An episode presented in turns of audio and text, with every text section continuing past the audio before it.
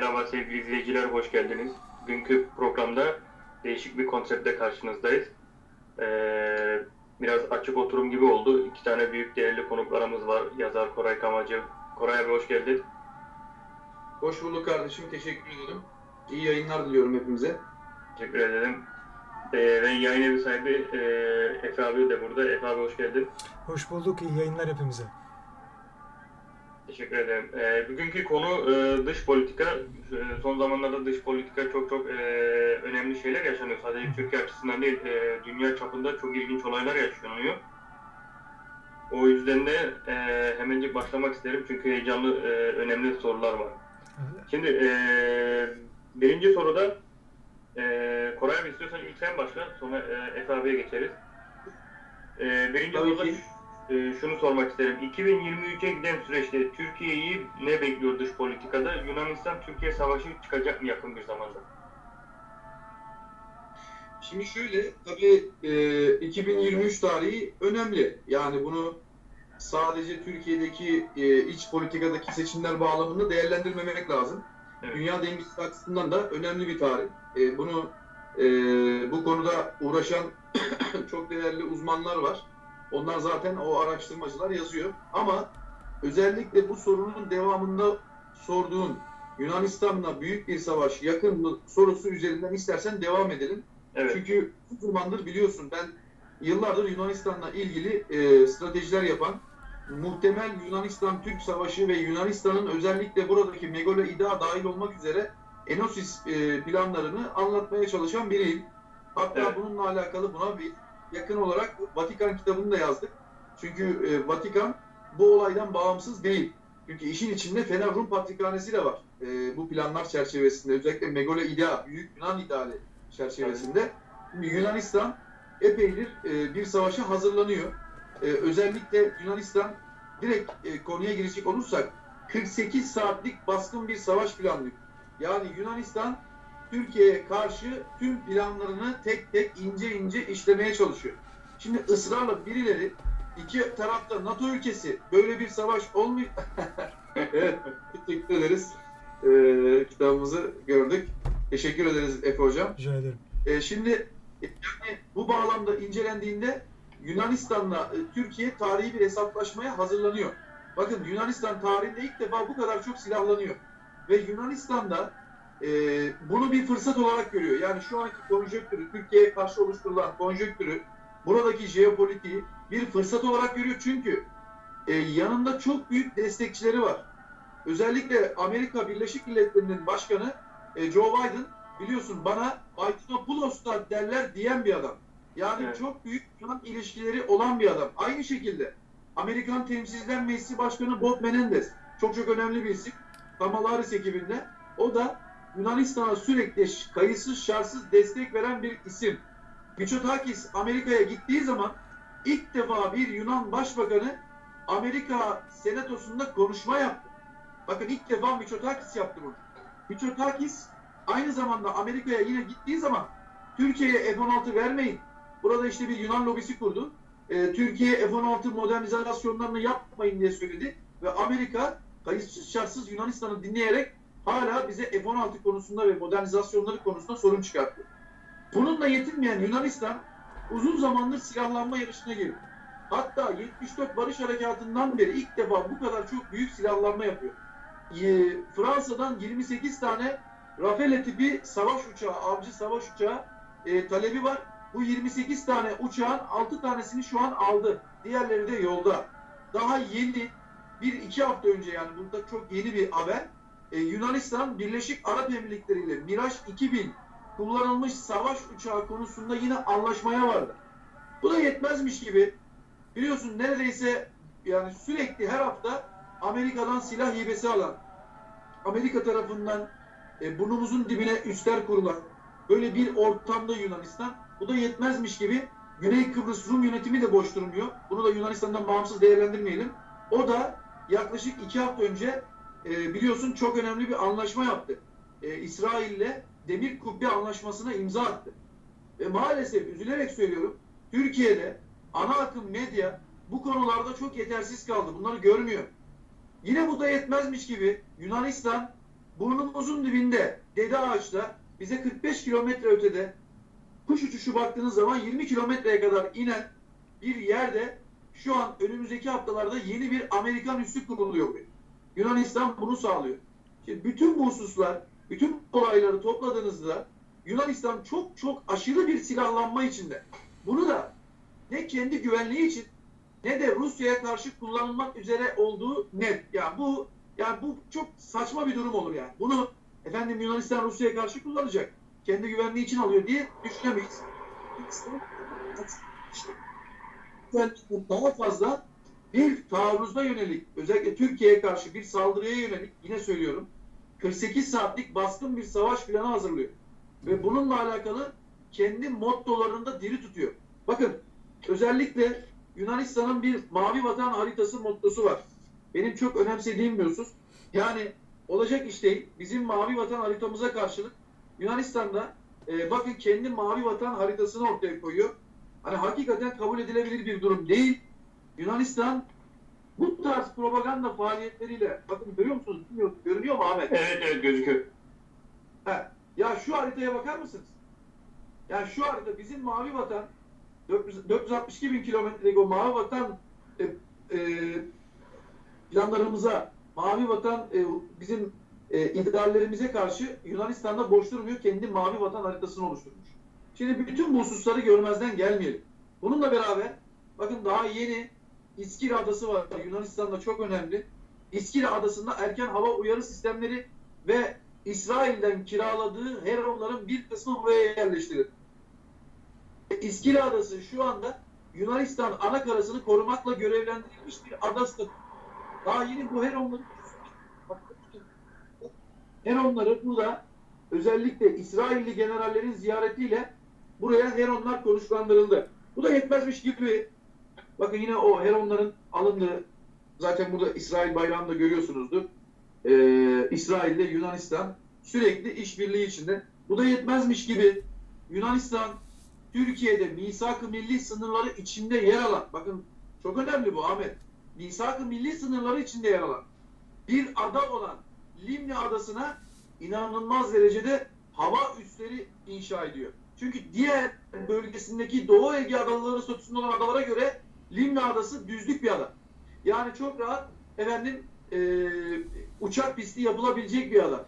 Buraya da e, Yunanistan özellikle Amerika'dan e, aldığı hem drone savarları hem drone savarları hem de Fransa'dan aldığı Rafale uçaklarının 6 tanesinin 2 tanesini de buraya yerleştirdi. Şimdi bak Limna Adası bizim için niye önemli? Limna Adası e, Gökçeada'ya 13 mil uzaklıkta bir ada. Bak burnumuzun dibinde. Bak, Çok yakınlar. 3 Milli sınır- kilometre var.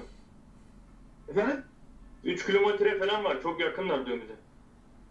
Yani 13.28 mil Gökçeada'ya, Bozcaada'ya 31.73 mil. Yani Çanakkale'nin burnunun dibindeki bir ada. Şimdi bu ada, tabii bu adanın da hazin bir hikayesi var. Efe Hocam da bilir. Lozan'da unutulan bir ada. Maalesef zabıt çevrelerine geçmediği için, e, unutulduğu için gözlemci sıfatıyla katılan Yunanistan'a kıta sahanlığının yakınlığından dolayı verilen bir ada. Böyle de bir husus bizim için çok önemli bir yer. Limna Adası. Çünkü misak-ı milli sınırları içinde. Onu da geçtim. Çanakkale'ye 12 mil, Gökçeada'ya 7 mil uzaklıkta Semadirek Adası'nda ben bu yaz biliyorsun Gökçeada'ya gittim. Ee, sen de iyi biliyorsun oralarda araştırmalar yaptık. Yani burnumuzun dibindeki Semadirek Adası'nda da orada daha çok girintili çıkıntılı olduğu için oraya da geçen yıl 2021 yılı itibariyle bizi izleyenler bunu araştırabilir. Daha sonra Google'dan yazsınlar bakın çıkacaktır. Semadirek Adası'na Amerika Birleşik Milletleri çok büyük bir helikopter pisti yaptı Yunanistan orada. Şimdi bütün bu hazırlıklar niçin yapılıyor? Ya kimse bana şunu çıkıp demesin. Efendim Yunanistan'da seçim var onun yüzünden yapılıyor. Ya Yunanistan gerizekalı mı bu kadar seçim için yatırım yapıyor? Bazı şeyleri düşünmek lazım. Efendim iki ülkede NATO ülkesi. Evet iki ülkede NATO ülkesi. NATO'nun angajman kuralları var. Atılan imzalar var evet. Ama Yunanistan'la Amerika bir anlaşma imzaladı. Atina parlamentosunda Mitsotakis'in ABD ziyareti öncesi Amerika Yunanistan ortak savunma işbirliği anlaşması yapıldı. Bu anlaşma Amerikan Temsilciler Meclisi Başkanı Bob Menendez'e de soruldu. Menendez dedi ki bizim Amerika e, bizim Yunanistan ve Türkiye hususunda biz kayıtsız şartsız Yunanistan'ın yanındayız. Çünkü yaptığımız bir anlaşma var dedi. Ve bu yapılan anlaşmanın metninin üst paragrafında iki tarafta birbirine karşı tehdit veya herhangi bir saldırı karşılığında e, o ülkeyi koruyacaktır, onun yanında yer alacaktır maddesi var. Bunu inceleyebilir bizi izleyen dost. Şimdi böyle bir anlaşma yapıldı. Yani NATO'dan da öteye giden bir anlaşma. Ben hep ne diyorum? Türkiye'de kendisine karşı oluşturulan bu cepheye karşı güçlü bir ittifak sistemi içinde yer almalı. Yani özellikle bölge ülkeleriyle, e, ülkeleriyle yani Suriye ile, Irak'la, İran'la, Rusya'yla, Türk Devletleri Teşkilatı'yla daha güçlü bir ittifakın adımlarını atmalı. Bak Türkiye yeni yeni dikkat edersen bölgesel merkezi dış politikayı şu an icra etmeye çalışıyor. Bununla alakalı önemli adımlar atıyor. Atmalıdır da. Yani bizim burada dilimizde tüy bitti. Kardeşim sen Birleşik Arap Emirlikleri ile konuşuyorsun. Suudi Arabistan'la konuşuyorsun. E Mısır'la irtibata şimdi geçtin. Niye Suriye ile konuşmuyorsun ya? Devlet politikası böyle yapılmaz. Dilimize tüy bitti. Gelinen noktada ne oldu? Şimdi Suriye ile anlaşacağız. Suriye ile efendim görüşmeler var. Hatta Peki 16 Eylül'de Sayın Cumhurbaşkanı Özbekistan'a gidiyor. Biliyorsun Şangay İşbirliği Teşkilatı Örgütü'nün toplantısı yapılacak. Belki de bu toplantıda Esad'la alakalı, Suriye ile alakalı çok önemli mesajlar verilebilir. Şimdi- altını şöyle bir şey var. E, ikinci soruda Suriye meselesine geleceğiz. E, birinci soruda Yunanistan meselesinde e, toparlarsak yani e, sonuç olarak bu sene içerisinde daha Türkiye bir e, Yunanistan savaşı bekliyor mu? Özellikle Yunanistan bugün tarih verdi. Bakın eee, Yunanistan basınında, Tinea'da, Katamirini'de, Pentapostragma'da çok önemli bazı açıklamalar yapıldı. Nedir o? Yunanistan çok ilginç bir şekilde, bakın tarih veriyorlar. 8 Kasım, bunu ben vermiyorum. Bakın biliyorsun benim bir prensibim var Ahmet. Böyle e, komple teorisi tarih verip de tutmayınca biliyorsun bir sistem var böyle. Ben tarih vermiyorum. Ben verilen tarihi şu an size açıklayacağım. Bakın Yunan medyasında, bilmiyorum Efe Hocam da görebiliyor mu? Biraz daha Evet. yaklaştırır mısın? Yun- Şöyle, nasıl? Şöyle iyi mi? İyi. Şimdiki iyi. İyi mi? Evet. Bak Yunan medyasında çıkan haber. Bilmiyorum okunabiliyor mu? Evet, evet, Erdoğan okunuyor. diyor, Kasım'dan sonra Yunanistan'a e, ne diyor? Saldırmasını kabul eden yetkidir. Yunanistan 8 Kasım'dan itibaren bir saldırı bekliyor diyor Türkiye'den. Bak saldırı bekliyoruz diyor. Aslında saldırıyı kendileri de yapacak da 8 Kasım'dan itibaren zemin hazırlamaya çalışıyor. Çünkü 8 Kas- Kasım'da ABD Temsilciler Meclisi seçimi var. Şu an demokratlar zor durumda. Yani demokratlar Yunanistan'ın en büyük savunucusu. Şimdi Yunanistan diyor ki tezlerinde Cumhuriyetçiler daha fazla sandalye kazanabilir. Eğer Cumhuriyetçiler bu seçimi 8 Kasım'da yapılacak olan e, bu seçimi kazanırsa Cumhuriyetçiler burada daha etkin olacak ve Türkiye'ye verilmeyen F-16'lar verilebilir ve Amerika bu anlamda daha yumuşak politikalar Türkiye ile ilgili yapabilir. Türkiye de bunu diyor fırsata çevirip orada tabii 7 tane faktör daha sayıyor. İşte o adalarda kış turizmine geçilmesi yani yaz turizminin bitmesi, artık oradaki insanların yavaş yavaş adalarda ayrılması, tenhalaşması, uluslararası alanda e, bir takım hususlar. Bir sürü 7 tane faktör var orada. Yani çok ciddi bir şekilde 8 Kasım'dan sonra bir muhtemel Yunanistan-Türkiye savaşından bahsediyorlar. Bununla da yetinmiyorlar. Bakın bununla da yetinmiyorlar. Ee, bizim biliyorsun e, F-16'larımıza S-300 radar kilitlemesi yapmışlardı. Ya bu Evet. Yunanistan öyle bir şey ki ya bizdeki basını da sorgulamak lazım. Kardeşim siz ne iş yaparsınız? Yani bu kadar da gladyocu, ABD'ci, NATO'cu basın hakikaten Türkiye'ye fazla. Adamlar Yunanistan kendi halkını dış düşman metaforu üzerinden diri tutuyor. Ve halkını da buna zihinleri hazırlıyor. Bak şu başlığa bakar mısın ya? Bak S-300 krizinde atılan başlığa bak ya. Ne diyor? Türkler yine havlıyor. NATO tatbikatında yine Yunan F-16 uçakları tarafından taciz edildik diyor. Bir de kendilerine bunu şey yapıyor. Türkler havlıyor diyor. Ya bir Türk milliyetçisiyim diye bir insan bunu nasıl kabul eder ya? Türkler yine havlıyor. Haşa. Yani şu duruma bakar mısın ya? Adamlar bu şekilde manşetler atıyor. Bizimkiler hiçbirini görmüyor haberler. Adamlar bizimle alakalı Yunanistan NATO'da görev almış en önemli generalini konuşturdu. Kamburidis. Çok önemli bir isim. Yakından takip ediyorum. Adam açıklama yaptı. Dedi ki Türkiye'de darbe olabilir. Erdoğan buna hazır mı? diyor. Ya açık açık Türkiye'de darbe olacağını ima ediyor. Bakar mısın şu başlığa? Ne zaman? 28 Ağustos. Efe hocam görebiliyor musun? Hı hı. Ya şu hadsiz başlığa bakar mısın? Bu ana akım medyada bunlar yer almıyor. Çok büyük bak Amerika ile NATO e, Yunanistan'la çok iyi arası şu an. Büyük bir ihtimal Kamburudis de o tarz bir adam. NATO'da çok görev almış bir isim. Kor general. Şimdi Kamburudis büyük bir ihtimal bunu suçu ikrar ediyor. Aslında bunu itiraf niteliği. Demek ki NATO'dan, Amerika'dan Türkiye'ye karşı böyle bir müdahale girişimi olabilir. Amerika o yüzden yakın yerlere de kendine üst sağlıyor. Yunan adaları dede kendisine de üst sağlıyor. Niye? Zamanında daha güçlü müdahale edebilmek için. Yani Türkiye'de bir darbe olasılığı, bir darbe söylentisi sıkıntısı da var. Bak bunu ısrarla ana akım medya görmüyor. Yunanistan resmen bak general itiraf etmiş burada Yunan general. Ya Türkiye'de bir NATO, bir Amerikan darbesinden bahsediyor. Öyle 15 Temmuz gibi değil. Büyük bir Peki, darbeden bahsediliyor. Yunanistan bu, istediğimi bilmiyorum. Anlaşılıyor. Yunanistan bu manşetle neyi ima ediyor? Yunan bitireceğim. Bak Yunanistan aynı zamanda diyorum ya bak bizi bizden daha iyi takip ediyorlar Efe Hocam. Bizi bizden daha iyi takip ediyorlar. Bak bizim bütün üstleri yayınladıkları harita. Yunanistan diyor ki biz savaşa Yunanistan hava ve deniz savaşı planlıyor. Bak kardeşim kara savaşı değil. O yüzden hava kuvvetlerini ve deniz kuvvetlerini güçlendiriyor. Hı hı. Sakın Türkiye seyrediyor gibi bir hava oluşmasın. En büyük örneği vereyim. MGK toplantısında, geçtiğimiz MGK toplantısında, Milli Güvenlik Kurulu toplantısında Türkiye özellikle hava ve deniz kuvvetleri komuta kademesinde değişiklikler yaptı. Bak bu çok önemli. Yani Ercüment Tatlıoğlu Paşa, amiral, çok değerli bir isim. Ee, yine aynı şekilde hava kuvvetlerine gelen isim de öyle. Yani Türkiye'de bir hazırlık içinde. Bak burada bizim burada üstlerimizi söylemiş. Dalaman, bakın Dalaman, Çiğli, Erdek, Foça, aynı şekilde Aksas, Deniz Üssü. Burada Türkiye'nin yaptığı hazırlıklardan bahsediyor Yunanistan ve Yunan medyası. E, kendi halkına da bunları anlatıyor. Daha çok şey var yani söyleyeceğimiz. E, ben kısaca bu şekilde özetliyorum. Yani dolayısıyla bir savaş kapıda.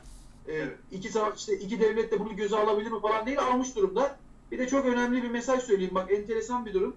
Sayın e, Cumhurbaşkanı açıklama yaptı ya. Sayın Cumhurbaşkanı ne zaman ki bir gece ansızın dedi bir yere çok enteresan. Irak'ın kuzeyine dedi girdik. Suriye'nin kuzeyine dedi girdik. Adalar için söyledi. Herhalde adalar içinde çok büyük bir plan var. Durum onu gösteriyor. Bu bir devlet projesi, devlet planı. Devlet bununla ilgili uzun zamandır hazırlık yapıyor.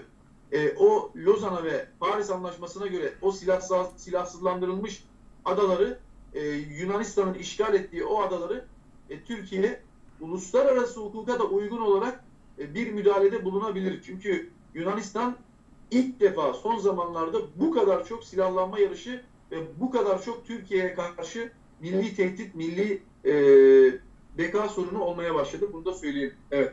Peki, teşekkür ederim. Efe abi soruyu tekrarlayarak sana da sormak istiyorum. Birinci soruda 2023 e, giden süreçte Türkiye'nin Türkiye'yi ne bekliyor ve Türkiye'nin e, dış politikasında Yunanistan'a karşı bir savaş çıkabilir mi?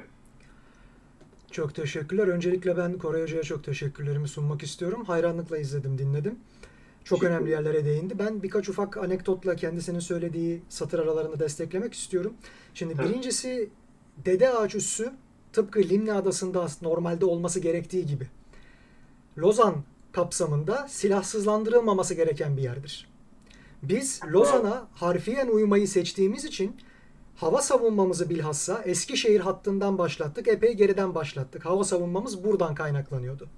Ne zaman ki Yunanistan NATO'dan çıktı, albaylar darbesi olduktan sonra 60'lı yılların sonunda kendilerine Türkiye'den biz korunmalıyız adı altında bir takım üsler inşa ettiler. Sonra biz 80 darbesinin ardından Kenan Evren iktidarı başa geçince NATO ile bir anlaşma yaptı ki yapmaması zaten mucize olurdu. Ve dediler ki bize asker sözü verildi. Bir sıkıntı çıkmayacak. Biz Yunanistan'ın NATO'ya tekrardan geri kabulü için evet oyu kullanacağız. Bu sayede de Yunanistan bize karşı bir zamanlar inşa etmiş olduğu bütün askeri üsleri NATO'ya hibe etti normalde. Biz de 74 Kıbrıs çıkarmasından sonra anladık ki NATO ülkesi varsa eğer bizim karşımızda bize verilmiş olan NATO silahlarını ona saldırmak için kullanamıyoruz. Madem öyle bağımsız bir şeyler yapmamız lazım. Gittik Ege ordusunu kurduk. Bağımsız Ege ordusunu. O oradan bakiye bir hadise. Yani biz de müttefiklere öyle ila nihaya güvenilemeyeceğini çok net bir şekilde anlamış olduk o süreçte. Gel gelelim. Limni Adası'nın şöyle hazin bir tarihçesi vardır. Biz aslında ben zabıtlardan okuduğum kadarıyla söylüyorum.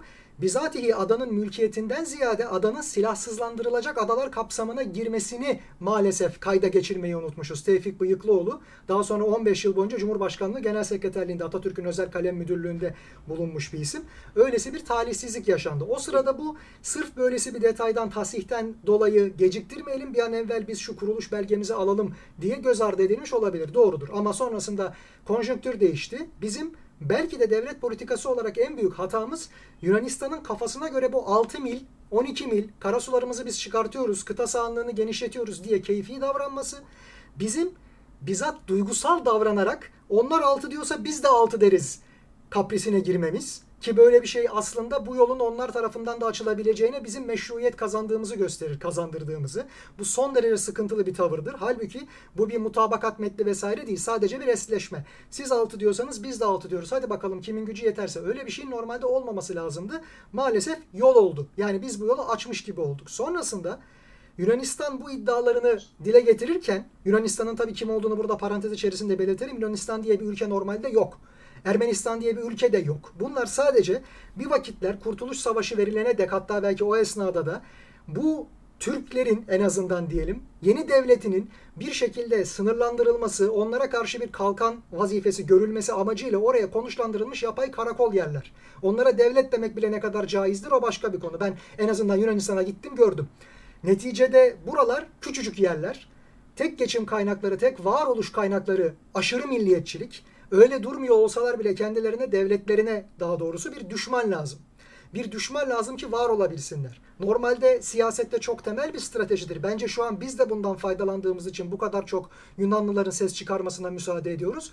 Dışarıda bir ortak düşman yaratılırsa içeride birlik dirlik sağlanır, muhalefet susturulur. Ama bizimki gibi ülkeler 90'lı yılların ardından bu politikayı biraz terk etti. Yani varoluş sebebimiz değil, hiç değilse biraz olsun uzlaşma sağlamak için anlaşmazlıklara biraz olsun nihayet verelim, bir duralım, dışarıdaki düşmanı evvela halledelim sonra biz gene kendi aramızda hesaplaşırız demek için bir mola bahanesi. Yunanistan gibi ülkeler içinse bu bir varlık sebebi. Yani Türkiye düşmanlığı olmadan Yunanistan kendini ülke yerine koyamaz. Oraya gidip gezip gören herkes tur rehberlerinden bile bunu öğrenebilir. Halen daha yatıyorlar, kalkıyorlar. Türkler bize şöyle zulmetti, Türkler şöyle kötüdür, böyle kötüdür. Maalesef ben şu açıdan anlayabilirim. Varoluşsal bir sebep bu. Gerçekçi bir beyan olması önemli değil. Biz 90'lı yılların ortasına kadar yani herhangi bir şekilde Kardak kayalıklarından dolayı ortaya çıkan bir sebepten ve tabii ki Navtex ilan ettiğimizde onların bize milli bayramlarımız esnasında sürekli karşılık vermesinden dolayı Dedik ki biz artık buradaki herhangi bir müdahaleyi savaş sebebi sayacağız. O noktadan itibaren Bizimkiler Yunanistan'ı ciddi bir düşman yerine koymaktan vazgeçtiler. Bir zamanlar biz çok eleştirirdik. Derdik ki ya biz affederseniz 400 yıl bir valiyle idare ettiğimiz ordusu hatta nüfusu bizim başkentimizi geçtim İstanbul kadar olmayan bir ülkeyi niye baş düşman belliyoruz? Biz niye kendimizi bunun üstünden var ediyoruz? Biz şu an gözümüzü çok yüksek ufuklara diktik. Yunanistan'la onların dilinden ve onların seviyesinden konuşmayı bıraktık. Bence maalesef bu yüzden biraz yeterince basında ilgi görmüyor veya ciddiye alınmıyor. Böyle bir durum da var. En azından benim açık görüşüm bu. Bir ikincisi Yunanistan bunları bu kadar söylüyor doğru ama şunu da unutmamak lazım. Yunanistan'ın kara gücü kesinlikle ve kesinlikle Türkiye'ye karşı herhangi bir şey yapabilecek durumda değil. Dolayısıyla Üstadın söylediği gibi kesinlikle karadan değil havadan ve denizden planlayacaklar.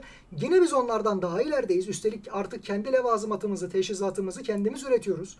Buna rağmen onlar aldıkları yapay desteklerle diyelim, kendi malları olmayan emanetçi oldukları bir takım silahlarla bize karşı diklenebiliyorlar. Hiç değilse sorun yaratabilecek potansiyeldeler havada ve denizde. Gel gelelim şunu da unutmayalım. Bir işgal asla havadan ve denizden yapılamaz. Herkesin temel bakış açısı şu. Bir, artık Türkiye'nin NATO'da yeri yok. Türkiye'nin NATO'daki varlığı ki bir zamanlar NATO'yu en çok savunan, destekleyen, NATO'nun yeni programlarını bizatihi kaleme alan, Sovyetler yıkıldıktan sonra ne olur NATO varlığını devam ettirsin ona yeni işlevler bulabiliriz. Bakın biz de burada Körfez Savaşı'nda özel döneminde söyledik, dile getirdik. Bu civarda, Kafkaslar'da, Orta Doğu'da, Balkanlar'da herhangi bir orduya ihtiyaç duyarsanız biz sizin güvenilir karakolunuz oluruz. Bizden vazgeçmeyin, desteğinizi çekmeyin dedik. Ama buna rağmen günümüz konjonktüründe Türkiye artık NATO'ya ayak bağı oluyor. Çünkü bizim sözümüzü dinlemiyor. istediğimizi yapmıyor. Böyle bir durum söz konusu. Hal böyleyken şu da ortaya çıkıyor. Bekliyorlar ki Türkiye bu gaza gelsin, bu oyunlara, bu tahrike kapılsın ve derhal bir cevap versin. Hatta Cumhurbaşkanımızın söylediği gibi bir gece ansızın gelsinler ki Yunanistan tarihi boyunca yaptığı gibi mağdur edebiyatına yatabilsin. Bunu başlatan biz değildik diye bütün dünya kamuoyuna veryansın etsin ve ondan sonra hemen yakınlarda bekleyen NATO barış gücü derhal duruma müdahale etsin. Normalde bu S-300'lerin F-16'larımıza NATO tatbikatı esnasında kilitlenmesini falan geçtik. Bunlar atılma sebebidir normalde NATO ülkelerinin. Kara kutularını biz onların göndermişiz kayıtları. Bakalım nasıl bir inceleme çıkacak göreceğiz. Bunun yanı sıra biliyorsunuz bizim 30 Ağustos Zafer Bayramımızda Amerika açıklama yaptı. Ee, biliyorsun geçenlerde dedi ki adalar yani Yunanistan egemenliğine saygı duyması lazım adalar bünyesinde dedi. Bizim- Ya daha Evet, Yo doğru doğru. Şöyle NATO'nun diğer ülkelerinden bu yönde herhangi bir net açıklama gelmediği için ben halen daha bir sürpriz bekliyorum. Şundan ötürü. Neticede hani yanlışlıkla oldu veya biz onların biz bizim karasularımızı bu şekilde kabul ediyoruz. Siz de yıllar boyu buna itiraz etmediniz. Şimdi niye bunu söylüyorsunuz? Bu artık bizim için kazanılmış bir haktır. Zaman aşımına uğradı. Aklınız olsaydı da o zaman söyleseydi. Bunların hepsini dile getirirler. Biz tabii ki deniz yetki yasası Evet. çıkmadıkça Amiral Cem Gürdeniz'in hep dile getirdiği gibi mesela bu kıta sahanlığı, yeraltı suları, yeraltı kaynakları, su altı kaynakları bunlar belli olmadıkça ve buna bir şekilde Yunanistan'da zorla razı edilmedikçe diyelim mecbur bırakılmadıkça bu böyle süre gelecektir. Fakat şöyle bir durum var. Bizde en çok istedikleri hadise bizim saldıran taraf olmamız ki o barış gücü NATO'dan bizim atılmamız veya bir yaptırıma uğramamız için gerekeni yapsın. Ya da Türkiye'nin içerisinde Yunanistan'ın da işte o Erdoğan acaba darbeye karşı ne yapacak vesaire diye çığırtkanlığını yaptığı türden bir iç savaş veya darbe ortamı olması ki NATO mevzuatında böyle bir şey yaşayan NATO ülkesine diğer NATO ülkelerinin başka hiçbir icazete gerek kalmaksızın kendiliğinden girip bir barış gücü gibi kurtarma ve oraya vaziyet etme hakkı var. Bu da zaten işgal gücü olacağı anlamına geliyor. Biz nasıl ki Mart tezkeresini 1 Mart tezkeresini reddettik. Sonrasında çekiç gücü önce izin verdik sonra felaket olacağını fark edip tekrardan onları def etmeye kalktık. Başımıza da bela oldu sonra bu iş. Şimdi de bu durumun böyle olacağını hiç değilse tarihi tecrübelerimizden dolayı biliyoruz. Bu yüzden de bence Türkiye Yunanistan tehlikesiyle alakalı söylediği bu cümleleri yurt içerisinde bir birlik, dirlik ve muhalefete biraz en azından nihayet olsun diye kullanıyordur. Ama Yunanistan gibi varlık sebebini buna bağlamıyor. Çok daha üst düzey yerlere gözünü dikmiş durumda. Yani bu çok tali bir mesele. Sıkıntı şu. Yunanistan diye bir ülke yok. Yunanistan dediğiniz şu an tamamen Amerika'nın ağzından konuşan, onların senatosuna, meclisine gidip de onlara yardakçılık beyanı eden tabiri caizse bir ülke konumunda. Çünkü onların hayatta kalmasına başka imkan ihtimal de kalmadı. Hele turizm baltalanmışken ve herhangi bir üretim ekonomisi yokken Yunanistan'ın. Bir diğer detay da şu. arası bu kadar Efendim? Rusya ile de arası bu kadar bozukken çok büyük sıkıntılar yaşıyor. Şimdi Rusya ile Türkiye'nin arasını bozmaya çalışıyor. Kesinlikle bu Amerika'nın da aynı zamanda NATO'nun da politikası. Dünyayı Rusya ile bir şekilde ayırmaya çalışıyor. Rusya'yı izole etmeye çalışıyor. Kültürel bakımdan da aynı zamanda medeniyetten dışlamaya, sürgün etmeye çalışıyor. Ama Türkiye'yi de Rusya ile yakınlaşmaktan men etmeye gayret gösteriyor. Böyle bir durum var. Yani bana karşı bir ittifak kurulamasın diye. Halbuki şunun farkındayız. Avrupa Birliği özellikle Yunanistan'ı niye bu kadar koruyup kolluyor şu an? Mesela Fransa, Türkiye ile Yunanistan arasında böyle bir sıkıntı çıkarsa eğer ben Yunanistan'dan taraf olurum dedi. Bunu niye söylüyor? Avrupa Birliği Rusya'ya ambargoyu koyduktan sonra yakın zamanda bir haber çıktı ki son 6 aydır Yunan tankerleri özellikle enerji topladığı zaman, enerji yüklediği zaman petrol, doğalgaz vesaire Rusya limanlarından bunu Ege açıklarında gizlice kaçakçılık yoluyla Avrupa tırlarına, Avrupalı ülkelerin tırlarına aktarıyormuş. Yani bu sayede Rusya ambargosunu arka kapıdan delmeye çalışıyorlar. Rusya bunu tahıl gemileri güzergah değiştirdikten sonra net bir şekilde fark etti ve söyledi. Yakın zamanda buna yeni bir düzenleme getirilecek hatta muhtemelen. Şimdi bunlar çok sıkıntılı bir konu doğruya doğru ama insanlar Evet. diyorlarsa ki eğer Karadeniz'de, Ege'de Amerika'nın ve NATO'nun artık hükmü geçmeyecek. Doğu Akdeniz'de Fransa dahil pek çok NATO ülkesi tatbikat yaparken Türkiye'ye haber verilmeyecek. Abdülhamit gemimiz sondaj için veya sırf herhangi bir şekilde seyri sefer için bile dışarı çıkartılmayacak derecede kıskaca alınacak. Bunları Türkiye'nin Libya ile Doğu Akdeniz'de Mısır'la, İsrail'le, aynı şekilde Suriye ile Katar'la bu ülkelerin hatta Suudi Arabistan'la normalleşen ilişkileri sonrasında NATO'ya yer yok gibi bir durum ortaya çıkıyor. Bunu istemiyorlar. Bu yüzden de Yunanistan'ı en başta da Girit Adası'nı çok ciddi şekilde kullanıyorlar. Ama şöyle bir püf nokta da var. Üstad da gayet iyi bilir. İsrail ile Yunanistan daha ilk zamanlardan Osmanlı İmparatorluğu döneminden bu yana iyi geçinemezler. Onların arasında hep bir didişme olmuştur. Hatta Ermenistan'ın bu sözde Ermeni soykırımı iddialarının hemen ardından işte Kürtlerin de ayrılıkçı bir hareket başlatması, daha doğrusu ona kesinlikle Kürtleri mesul gösteremeyiz. Birilerinin dışarıdan onları kullanarak böyle bir hareket başlatması hep İsrail lobisi tarafından Amerika'da engellenmişti. Çünkü onların da arzı mevudu hiç değilse o sınırlardan geçiyordu. Bir de üstüne onlar Osmanlı'nın asıl tebaası olduğunu düşünüyorlardı asli unsuru. Bu yüzden de Lozan'da Yahudi vatandaşlar biz gayrimüslim azınlıklar kapsamına girmeyeceğiz dediler. Böyle de bir beyanatta bulundular. Bir sadakat örneği sergilediler. Bu durum varken İsrail ile Yunanistan'ın arasında niye böyle bir pakt var? Evvela şuna bir bakalım. İsrail hiçbir zaman Amerika kendisinin Orta Doğu'daki güvenliğini sağlamaktan vazgeçtiyse kaderine razı olacak bir devlet değil. Orada da aşırı fanatikler, milliyetçiler yaşıyor. Neticede Japonya ile silah işbirliği anlaşması imzaladılar. Bugün duyuruldu Çin'le 2022 bitmeden çok ciddi serbest ticaret anlaşmasına imza atacaklar. Aynı zamanda Birleşik Arap Emirlikleri ile Hindistan'ı da içine çekecek şekilde bir ticaret anlaşması paktı imzaladılar. Hatta enerjinin bütün geçeceği rotasında limanına, işte Pürmüz Boğazı'na vesaireye tamamına birden Hindistan'ı da ortak etmek için yani kendini garanti altına almak için bir şeyler yapıyor. Türkiye biliyor ki bu ilişkiler severek, samimiyetle düzelmedi. Jeopolitik şu an böyle gerektirdiği için mecburiyetten bu ilişkiler yumuşadı. Halbuki açıklamalar yapılıyor. Biz bu davalarımızdan işte Filistin davasından falan vazgeçmedik. Şu an böyle olması gerekiyor. Yani bütün askerlerin söylediği gibi jeopolitik birinci öneme sahiptir. İdeolojiler ve diğer hesaplar ikinci planda kalır. Jeopolitik kapıyı çaldığı vakit. Şu an Doğu Akdeniz'de bulunacak olan enerji orada kıyısı bulunan ülkelere aittir. Kıbrıs üzerinde İsrail kendi haklarını koruyabilmek, buradan çıkartılacak olan ne kadar gaz varsa veya arama kurtarma, sondaj vesaire her türlü çalışma için. Biliyor ki Yunanistan'ın desteğine muhtaç. Çünkü Yunanistan'ın desteği demek Güney Kıbrıs Rum yönetimini o haliyle içine almış olan Avrupa Birliği'nin onayını almak demek. Bu aynı zamanda Rusya'yı oradan uzak tutmak demek. Şu an Güney Kıbrıs Rum yönetimi niye o kadar fazla istendi ona da bir bakalım. Çünkü normalde o adaya Rusya vaziyet ediyordu güney bölümüne. Bunu engellemek adına bunu istediler. Doğruya doğru. Peki biz de şunu savunuyoruz. Biz bugün NATO'dan çıkarsak yarın Kıbrıs'ı o haliyle NATO'ya almayacakları ve bizi orada işgalci durumuna düşürmeyecekleri ne malum? Kaldı ki kapalı Maraş açıldı. Bizim vakfiye senetlerini resmi delil şeklinde göstermemiz üzerine bu açıldı. Bizim Bulgaristan'da da Yunanistan'da da adedi belki milyonu bulan vakıf senedimiz var. Bunlar oraya bir şekilde gösterildiği zaman Türkiye'nin neredeyse orada bir kendine ait konsolosluk, diplomatik arazi tesis edecek kadar vakıf arazisi var. Bu çünkü özel mülk. Toprak hangi ülkenin rejimine girerse girsin vakıf mülkiyeti mutlaka korunuyor orada. Biz bunları ileri süreceğimizi bildikleri için çok da fazla üstelemiyorlardı ama NATO onların arkasında duruyormuş gibi göstermeye devam ettiği sürece Yunanistan bu sesi çıkartacaktır.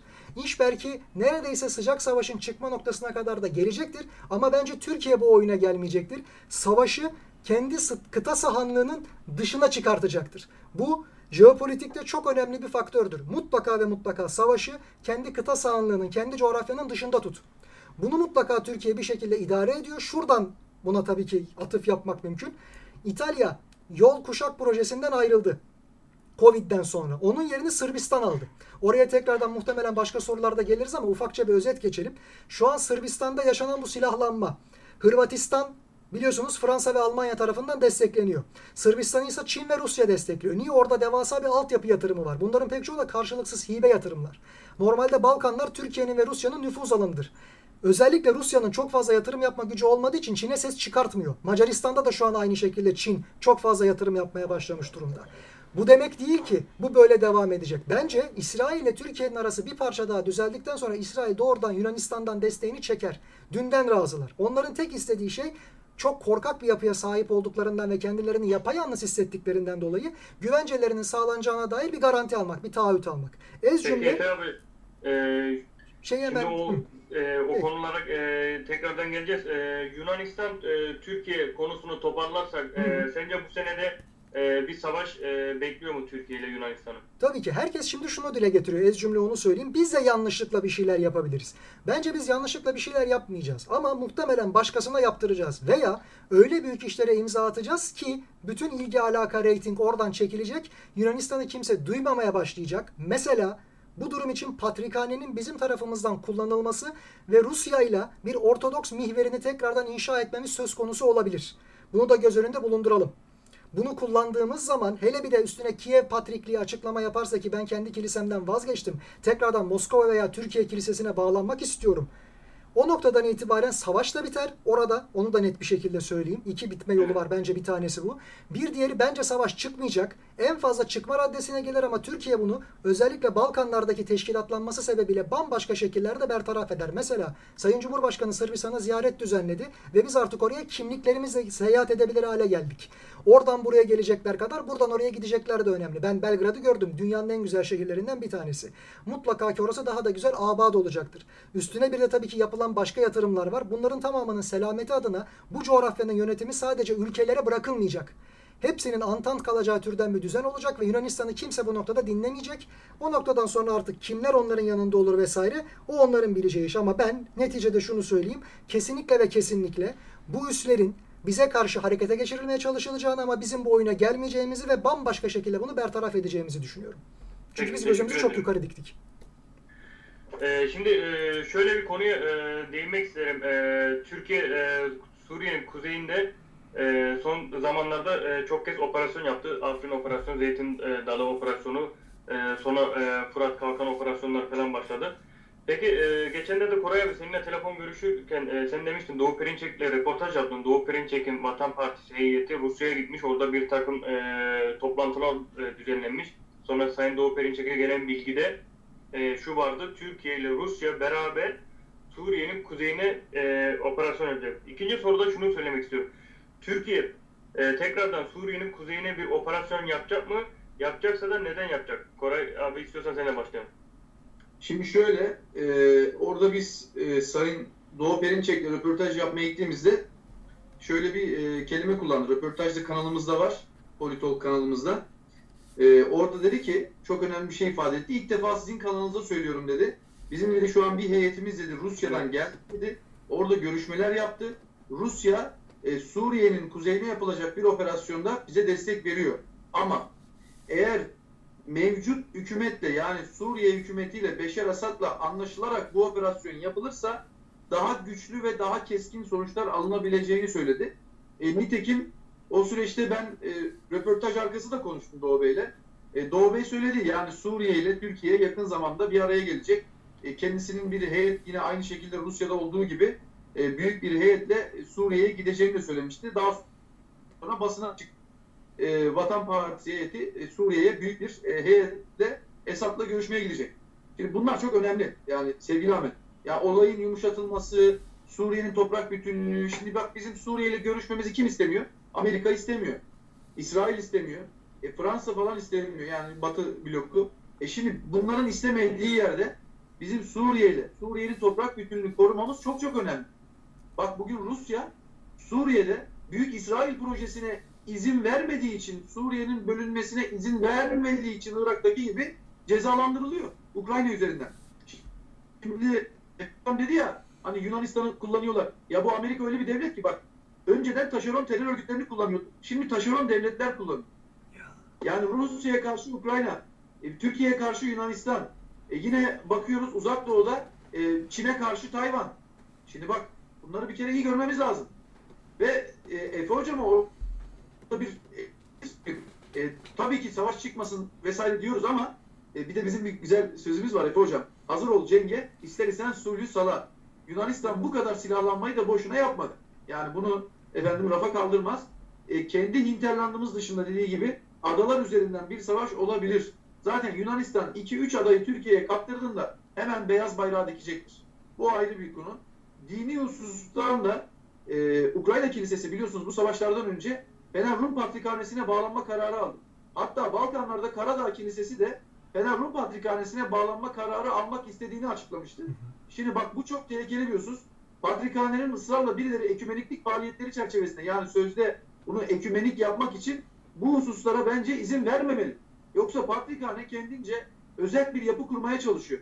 Şimdi bak Yunanistan'ın o Megalo İDA projesinde yani Sur içinde, İstanbul Sur içinde küçük Vatikan benzeri e, bir patrikhane, bir ekümeniklik sözde o devlet kurmaya çalışıyorlar. Türkiye buna çok dikkat etmeli. Biz zamanında bununla ilgili tarihi hatalarda bulunduk. Özellikle FETÖ zamanında Efe Hocam da bilir 2010 Avrupa Kültür Başkenti diye bir saçmalık çıkardılar. Yani şuradan her, her zaman soruyorum ben canlı yayınlarda da. Allah aşkına biri bana açıklasın. Bir Fatih ilçesi niye birleştirdi ya? Yok nüfustu, yok bilmem neydi. Eminönü ile Fatih ilçesi niye birleştirdi ya? Bunun cevabını versinler. Ben bunu Fatih Belediyesi'ne de sordum. Cevap veremediler. O süreçte Patrikhane ile Ayasofya'yı birleştirme projesi tıkır tıkır ilerledi. Hatırlarsanız Sur içinde neredeyse onarılmayan, restore edilmeyen kilise kalmadı. Üstüne bir de eski kiliseleri açtı. Bak bu tarihi bir hataydı. E, bu hatadan dönmemiz lazım. Patrikhane konusunda da Bartolomos'un şurada ömrü az kaldı. Yakında seçimler olacak. Bartolomos'tan sonraki seçimlere Türk devleti Ermeni lobisindeki seçimler gibi mesela Karayanlı öldükten sonra E, onlar da kendi çabası Türk e, tarafının desteklediği aday getirildi. Burada da Patrikhane'de de e, bu anlamda e, dediği gibi Efe hocamın yani Rus metropolitliği bağlamında bir birliktelik kurulabilir. Bu dini yönden e, siyasi yöne etkin etken olarak birçok şeyi bitirebilir. Hocam E, peki bu önemli konuyu, bir şey. geri, konuyu geri tekrar Yunanistan'a aldık da e, peki Suriye'nin kuzeyinde e, neler yaşanacak 2023 giden süreçte? Tekrardan bir operasyon bekliyor mu? Ben şimdi bak operasyon her zaman masada. Yani operasyon seçeneği masada. Ama şöyle bir şey var. Bak bir kere şunu görmemiz lazım. Biliyorsun Tahran'daki süreçte Astana süreci, Astana zirvesinde üç devlet de bir konuda ittifak etti. Nedir o? Efendim Rusya, İran, Türkiye ne dedi? Amerika Fırat'ın doğusundan çıkmalı. Terör örgütleri burada efendim Yok. her taraf yok edilmeli. Şimdi bir kere bunu iyi görmemiz lazım. Türkiye'de yani Suriye ile görüşürse bak operasyonu bu şekilde başlatacaklar. Suriye ile görüşmenin ayağı da bu.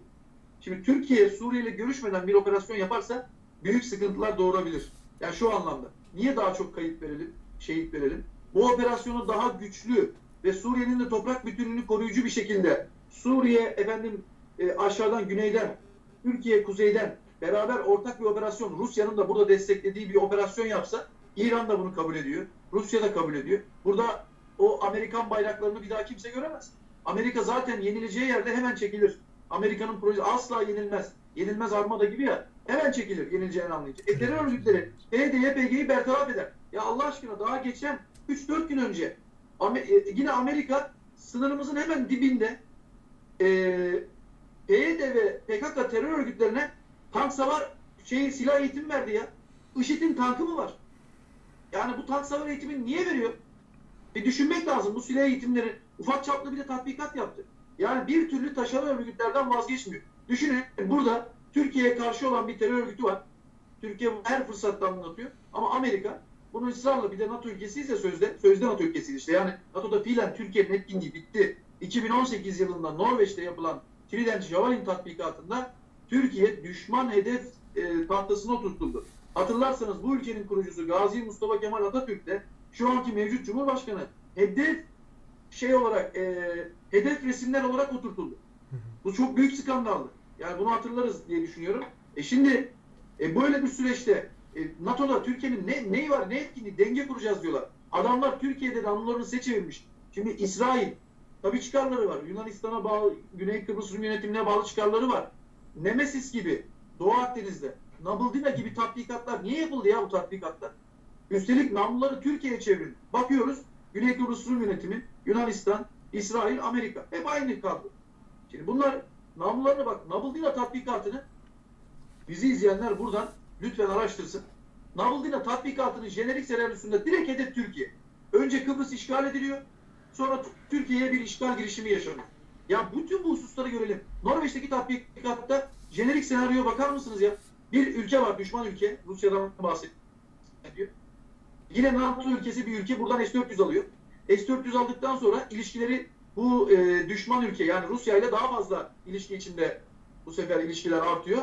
Bunu tehdit sayan NATO bu ülkeye müdahale ediyor. Allah Allah acaba hangi ülke bu? Yani direkt Arife tarih Türkiye demiş. Bütün bu jenerik senaryolar çok önemli. Türkiye zaten hedef tahtasında. Dört tarafı e, çevriliyor. savru- Yani bunu iyi görmemiz lazım. O yüzden de bizim üç cephede, bizi üç cephede bırakmak isteyenlerin bir cephesi de Suriye cephesi. Biz burada terör örgütlerini tamamen burada Amerika'yı bertaraf etmeliyiz. Suriye'nin toprak bütünlüğü bu sağ, e, bu bağlamda eğer korunursa hem buradaki Suriyeliler 1 milyon mesela Suriye gönderme projesi var. Hem bu proje hay- hayata geçer. Buradaki Suriyeliler peyderpey gönderilir.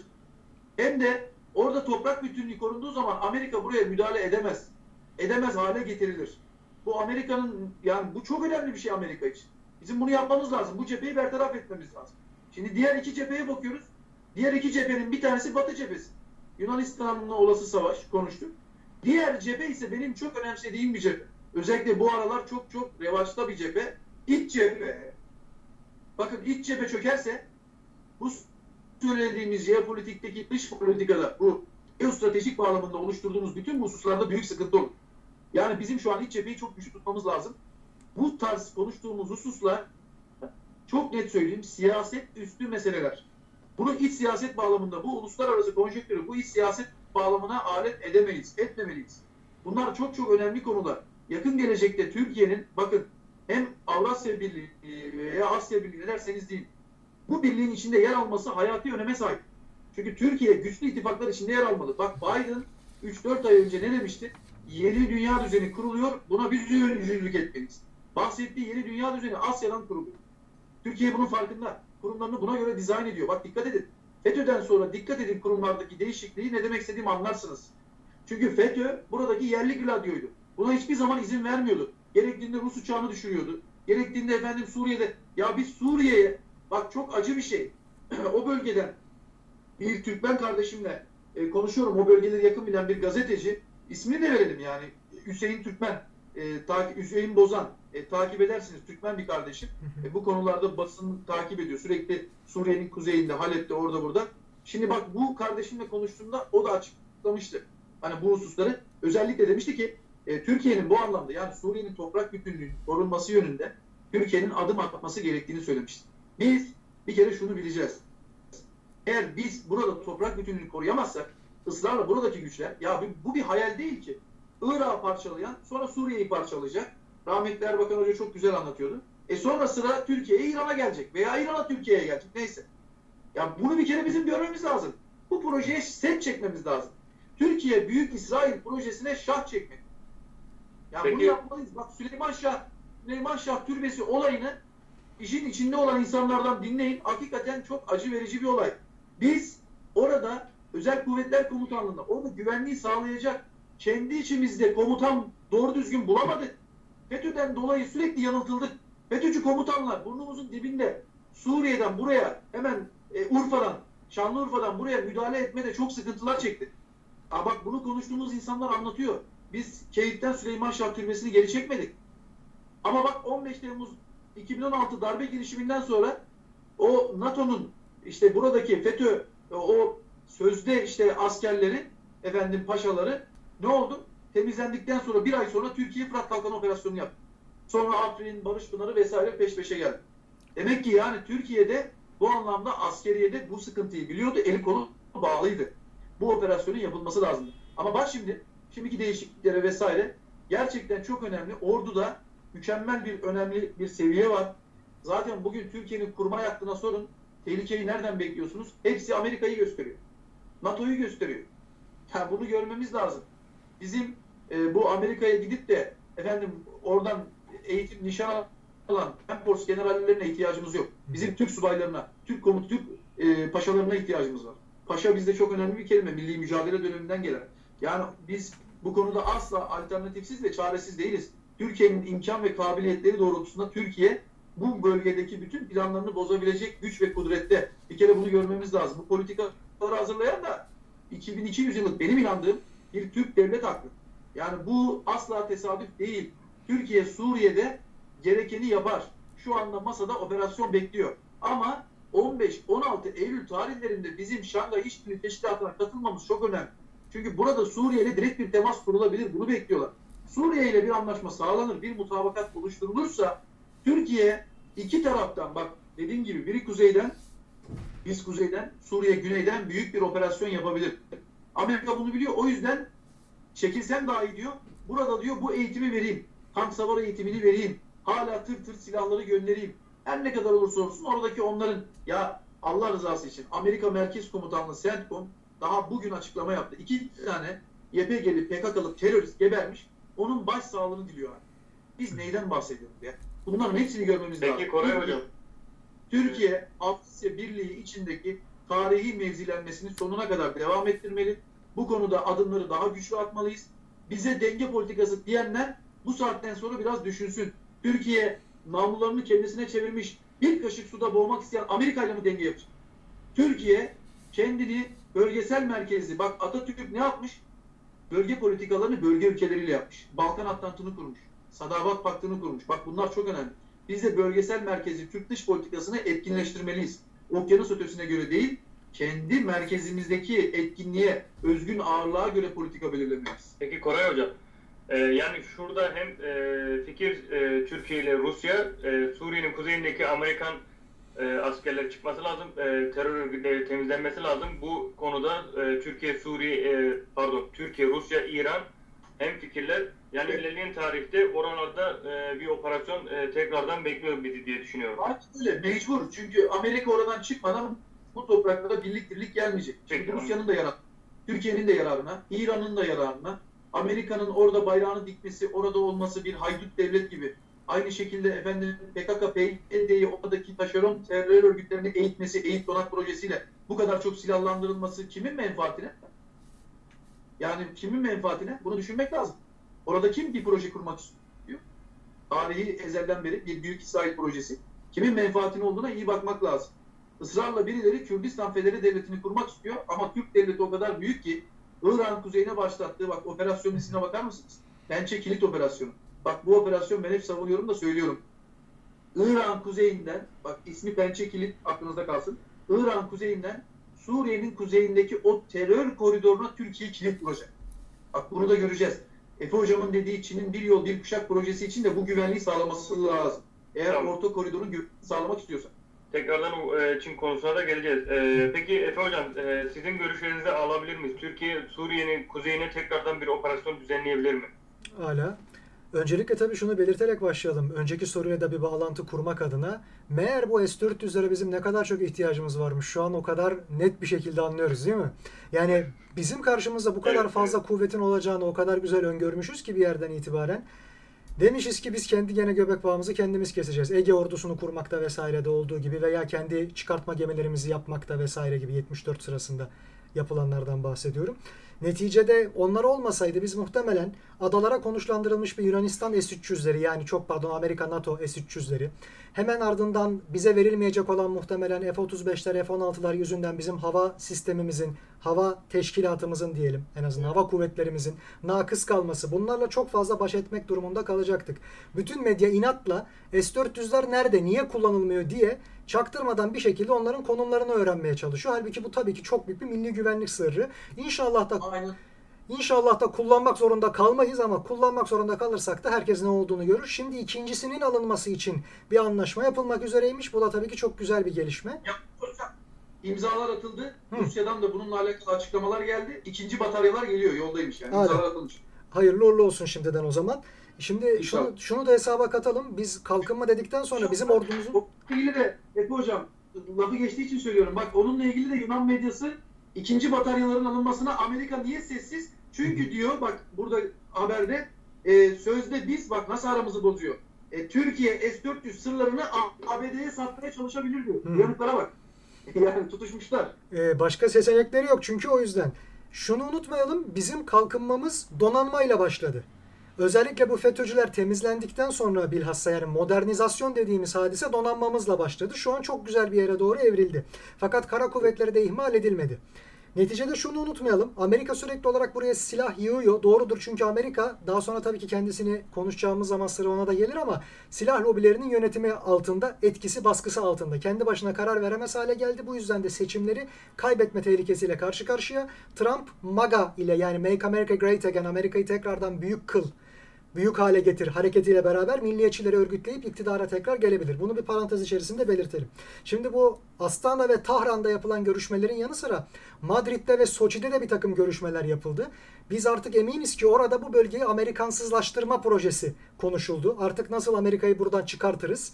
Neticede şu ana kadar Amerika demek Orta Doğu'da İsrail demekti. Ama belli ki o pakt kırılmışa benziyor. İsrail de kendi işini kendi görmeye veya kendisine başka odaklar aramaya diyelim koyulmuş durumda. Ayrıca da şunu da ben yakın zamanda bir duyum olarak işittim.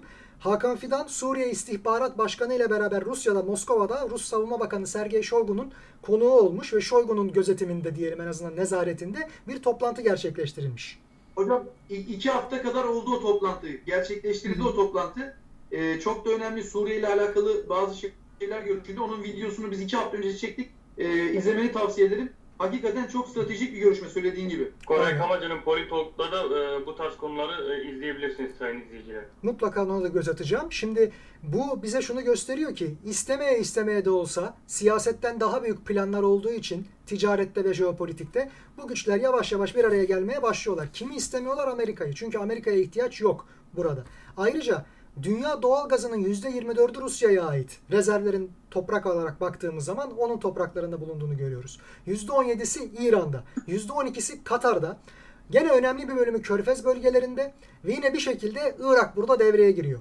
Maalesef ki İran Türkmenistan Türkmenistan'ı unutmayın. Dünya doğal gaz rezervine yanılmıyorsam değiştiyse bilmiyorum ama en son 3. 4. sırada gidip geliyordu. Dünya doğal gaz rezervinde Türkmenistan. Buradan kendilerine de selam olsun kardeşlerimize. Şöyle dile getirelim. Evet. Doğrudur. Bölge için açıkçası ben onu unutmuşum. Çok teşekkürler tavsiye ettiğiniz için Üstad. Neticede İran burada istikrarlı olup olmamasıyla da çok yakından alakadar olan bir konu Suriye'nin istikrarı. Çünkü o bölgede kimileri diyor ki bağımsız bir Kürt devleti kurmak için çok fazla çaba var. Bunun üçüncü ayağı Türkiye'nin güneydoğusunun kopartılması olacak. Kimileri diyor ki aslında böyle bir şey gerek kalmayacak. Rusya oradan geçiş yolunu tesis ettikten sonra ve gerekli yönetimlerle bunun güvencesi konusunda anlaşma sağladıktan sonra adı A olmuş, B olmuş, yönetiminde X olmuş, Y olmuş bir şey fark etmeyecek. Ben açıkçası bu bir şey fark etmeyecek kısmının daha fazla ön plana çıktığını düşünüyorum. Niye? Çünkü bu ambargo esnasında Rusya'da Avrupa Birliği'ne bir ambargo ile karşılık verdi. Gazı kesti. Kuzey akımını tamamen durdurdu. Bu veryansın yükseliyor ama bir yandan işte Yunanistan'ın arka kapıdan devrettikleri aracılığıyla diğer yandan Katar ve İran üzerinden mutlaka ki Avrupa Birliği enerjisini temin etmeye çalışıyor. Bir de üzerine tabii ki Suudi Arabistan'dan alıyorlar. Şimdi Suudi Arabistan'ı şu anlamda küçümsememek lazım. Amerika'nın yanı sıra Çin de oradan alıyor ve İran'dan alıyor doğal enerji kaynaklarının ihtiyacı ne kadarsa işte onun Tabii. çok büyük bir bölümünü. Hal böyleyken eğer ki Irak'ta ve Suriye'de birlik, dirlik, istikrar olmazsa onlar enerji krizini arka kapıdan bir şekilde Amerika'nın da yardımıyla çözebilecekleri için Rusya-Ukrayna savaşında mağlubiyete bile gidebilir. Yani istediğini yapamaz. Bu ambargosu istediği kadar karşılıklı olmaz. Avrupa'ya diz çöktüremez. Gel gelelim şunu da unutmayalım. Biz eğer bir ara buluculuk yapılacaksa bütün bu körfez ülkeleriyle bunu yapmaya hem aday hem de en çok yakışan ülke konumunda olabiliriz. Çünkü benim en azından Türkiye'nin 2023 vizyonu için veya daha sonrası 2030 vizyonu için naçizane öngördüğüm hadise buranın İsviçre'si haline gelmesidir. Yani burada herkesin ortaklaşa çıkarı olacak fakat hiçbir çıkar bizim âli menfaatlerimizden daha üstün şekilde tutulmayacak.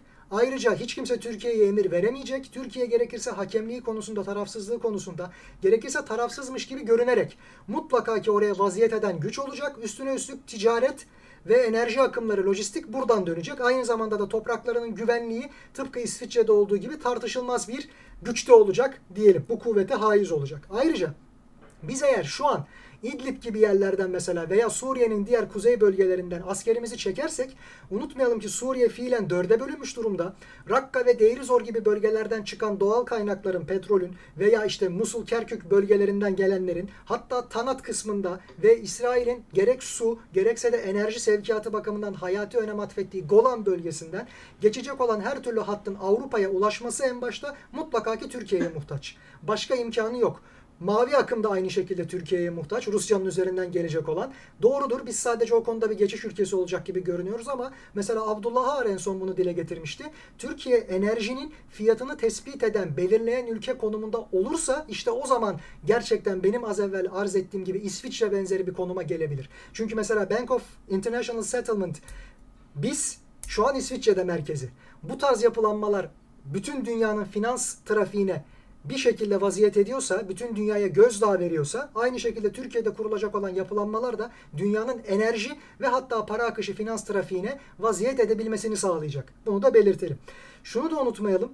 1959'da mesela Irak'ta yapılan Türkmen katliamı. Benzer şekilde 2003'te Amerika'nın tekrardan tek bir belki kurşun bile atmasına gerek kalmadan oradaki kesnezanilerin yardımıyla Saddam'ı devirip Irak'ı işgal etmesi sonrasında Musul ve Kerkük başta olmak üzere Türkmen nüfusun yoğunlukta olduğu yerlerde nüfus ve tapu idarelerinden kayıtları yakması, yağmalaması. Oraya bir Türksüzleştirme projesi vardı. Burada da maalesef aynısı yapılmaya çalışılıyor. Şu an bu hattın güzergahı üzerinde bilhassa yani Adana Limanı başta olmak üzere Mersin Limanı aynı şekilde. Bunlara müsaade edilmeyerek bizim o bölgeye tekrardan tarihten süre gelen bir insicam içerisinde Türk olduklarını hatırlatmamız gerekiyor. Bu savaşın yumuşak gücü olarak oraya gitmesi gereken bir diğer hadise. Biz mutlaka ki İdlib gibi yerlerde halen daha durmayı sürdürmeliyiz. Çünkü bu eğer fiili dörde bölme diye bir şey varsa bunun belli bir kısmına Suudlar çok ciddi şekilde vaziyet ediyorlar. Geri kalan kısımlarında işte Şii, Sünni veya varsa eğer gerek o noktadan itibaren Nesturiler veya İsrail'e verileceği vaat edilen bir bölge var. Burada Türkiye askerini burada bulundurduğu sürece net anlaşma sonuna kadar sağlanmadıkça ve ülkemizdeki sığınmacılar oraya geri gönderilmedikçe tamamının gitmesi bitmedikçe Türkiye ordusu oradan çekilmemeli yoksa oradaki bütün söz hakkını kaybedebilir. Türkiye'nin çıktığı her yere Allah muhafaza en başta PYD gelebilir. Unutmayalım ki biz halen daha onu terör örgütü olarak görüyoruz. Suriye görmüyor. Ama toprak bütünlüğü olduktan sonra, gerekli mutabakat da olduktan sonra yani yavaş yavaş oradan da çekilmemiz lazım. Yani şöyle, yani biz orada kalıcı sanki böyle başka bir pozisyonda olmamalım. Yani emperyalizmi eleştirirken kendi emperyalizmi de farklı bir şekilde yapmayalım. Ee, Türkiye orada eğer Suriye'nin toprak bütünlüğünü, bakın altını çiziyorum, güçlü bir şekilde sağlayıp o mutabakatı imzalarsa geri dönüşler dahil olmak üzere Suriyeli, Suriyelilerin buradaki aynı şekilde Türkmen vatandaşların oradaki vesaire. Orada e, bunu sağladıktan sonra bence yavaş yavaş peyderpey Süleyman Şah Türbesi hariç oradaki bölge tekrar çıkabilir. Yani bunu Şöyle kesinlikle. olmaz. Bu süreç tamamlanana kadar dememin sebebi zaten o yani biz orada işgalci değiliz neticede. Şunu unutmayalım. Ben Evet. emperyalizm diye bir şey olduğuna inanmıyorum. Sadece kazananlar vardır ve kaybedenler vardır. Kaybedenler derler ki kazananlar emperyalizm adı altında bize doğru geliyorlar. Benim açıkça görüşüm bu. Ama şöyle bir faktör de var. Bence orası artık toprak bütünlüğü sağlansa bile Lübnan benzeri bir yapılanmaya kavuşturulacak. Lübnan'daki yapılanmadan şöyle bir örnek verelim. Cumhurbaşkanı Hristiyandır. Başbakan Şii'dir, Genelkurmay Başkanı Sünnidir. Buna benzer bir antant kalınacak yapılanma Suriye'de tesis edilecek. Topraklarından insanlar belki çekilecekler. Türkiye'de çekilecek mutlaka ki günü geldiğinde. Ama Suriye'ye bizim evvela şunu hatırlatmamız lazım. Amerika'da niye hayır gelmez? Irak'ı şu an fiilen üçe bölen anayasanın mimarı Biden'dı. Aynı şey Suriye'nin de başına gelsin istemiyorlarsa bir an evvel hiç değilse Amerika'dan başlamaları lazım onları da göndermeye. Burada kendileri muhatap kabul edilecekse, millet diye bir şeyleri olacaksa, onlar bir ülke olarak sayılmaya devam edileceklerse, yani Suriye adına bu enerji hatlarının güzergahı içerisinde, yol kuşak projesinde vesaire bir söz söylenecekse, Esad'ın bu da konuda konuşmaya namzet hale gelebilmesi için bizim dediğimiz şekilde ülkesini Amerika unsurlarından arındırması şart. Çünkü Amerika'nın burada herhangi bir menfaati artık kalmadı, kalamaz. Bunu niye rahatlıkla söyleyebiliyoruz? İsrail'le aralarındaki bu Kudüs'ü başkent ilan etmesi Trump'ın bir şekilde emrivakiye getirerek bunun ardından sanki Trump'ın vazifesi tamamlanmış gibi göründü. Ama şunu anladılar ki Biden yönetimi Afganistan başta olmak üzere Orta Doğu'dan ordularını yavaş yavaş çekmeye başladı. Orada şirketlerini bırakıyor veya zaten sömürülecek bir şey kalmadığını düşündüğünden dolayı orayı komple bırakıp gidiyor. Masraf olmasın diye. Ama silah lobilerinin halen daha etkisi altında. Birazdan ona da geliriz. Bu yüzden de mutlaka ki o harcamalar yapılacak ama bu onun kendi ekonomisine ve kendi milli bütünlüğüne çok büyük zarar verdiği için en büyük zararı kendisi görecek ve buradan biz onu atmaya çalıştığımızda Amerika'yı cevap veremeyecek bir hale gelecek. O yüzden Türk askeri de savaşma kapasitesi bakımından bu yörenin açık ara en güçlüsü olduğundan dolayı ve Suriye bizim en uzun sınırımızın bulunduğu komşumuz olduğu için mutlaka ki bu süreç bitene kadar net bir antantlık inşa edilene kadar orada kalmakla yükümlü. Peki e, 2022'de e, bir operasyon bekliyor musunuz siz orada? Bu bizden ziyade karşı tarafın neler yapacağına bağlı açıkçası. Bizim orada hususi olarak kimse bir şey yapmamışken mesela Sadır'la Barzani yönetimi arasındaki anlaşmazlıklar veya varsa bir artık uyum süreci bunlar gerçekleştikten sonra bizim yapacaklarımız başkadır.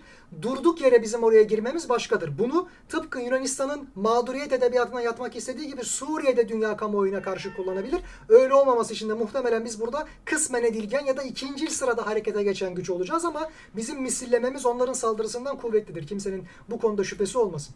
Peki teşekkür ederim. Suriye'yle E, şimdi, beraber, beraber anlaşarak bir operasyon yapılacağını düşünüyorum. Suriye ile beraber anlaşılarak Hı. ortak bir operasyon yapılacağını, o yüzden operasyon bekletiliyor. evet. Sayın Cumhurbaşkanı bak bütün sınırdaki birlikler hepsi buna hazırlandı. Buraya takviye kuvvetler de gönderildi. Aslında hepsi Hı. hazır. Sadece burada Suriye ile konuşup bu operasyonun sınırları belirleniyor olacak. Rusya da buna destek veriyor. E, dolayısıyla bir operasyon olma olasılığı yüksek. Ama hocamın dediği gibi e, burada yapılacak operasyon kesin ve net sonuç verecek operasyon olmalı. Öyle ucu açık bir operasyon değil. Amerika buradan net gidecek. Terör örgütleri buradan tamamen silinip yok olacak. Bunu yapmalı yani. Peki e, tabii bana gelen bilgilere göre e, zaten Türkiye ile Rusya e, anlaşmış bir e, durumda. Rusya ile Türkiye anlaştıysa e, zaten e, Esad'da kolay bir şekilde Rusya işin içinde olduğunda anlaşır. Yani orada sizin dediğiniz de e, gibi bir sınırlar belirleniyor. Ondan sonra bir takım operasyonlar tekrar başlayabilir.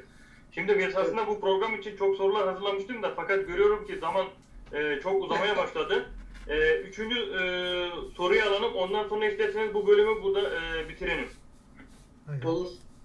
E, üçüncü soruda e, son olarak e, dünyada en çok e, dile gel- e, gelen son olayda e, Çin, Tayvan, Amerikan üçgenidir.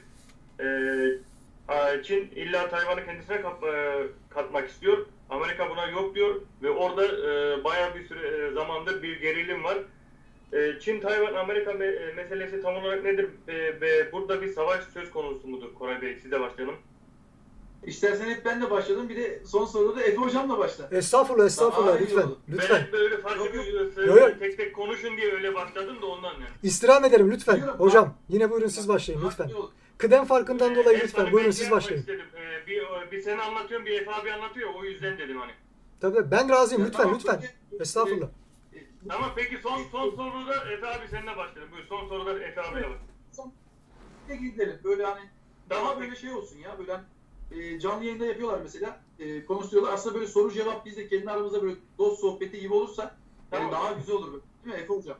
Nasıl Hakkı isterseniz. Nasıl Buyurun Efe, nasıl arzu e, ederseniz. e, Efe abi seninle başlayalım. Hay hay. Şimdi evvela Tayvan meselesi nedir konusunda Çin'in tarihçesine geri dönüp bakmak lazım. İç savaş olduktan sonra bir de 2. Dünya Savaşı da atlatıldıktan sonra Çin'in cumhuriyetçi kesimi aslında hanedanın da orada bulunduğu vaziyet ettiği kesim Tayvan adasına sığınmak durumunda kaldı. Komünist güçlerse Mao Zedong önderliğinde Çin'in şu an bildiğimiz ana karasını ele geçirdiler diyelim. Fakat her zaman cumhuriyetçi güçler dediler ki bir gün bu komünist rejim yıkılacak ve Tayvan tekrardan ana karasını ele geçirecek, oraya geri dönecek. Dolayısıyla kendilerine aslında başka isim takıyorlar. Chinese Taipei gibi mesela. Çin Halk Cumhuriyeti başka, Çin Cumhuriyeti başka. Fakat biz Evet. ikisi karışmasın diye Tayvan adası olduğundan dolayı Tayvan ismini kullanıyoruz. Belli bir süre boyunca Çin'le anlaşma sağlayana kadar Amerika, Mao ile anlaşma sağlayana kadar hep Tayvan'ı destekledi Birleşmiş Milletler'de. Çin'i aşağı gördü. Fakat ne zaman ki Çin'i sömürebileceğini fark etti ucuz iş gücü olarak o noktadan itibaren yatırımlarını Çin'e aktardı.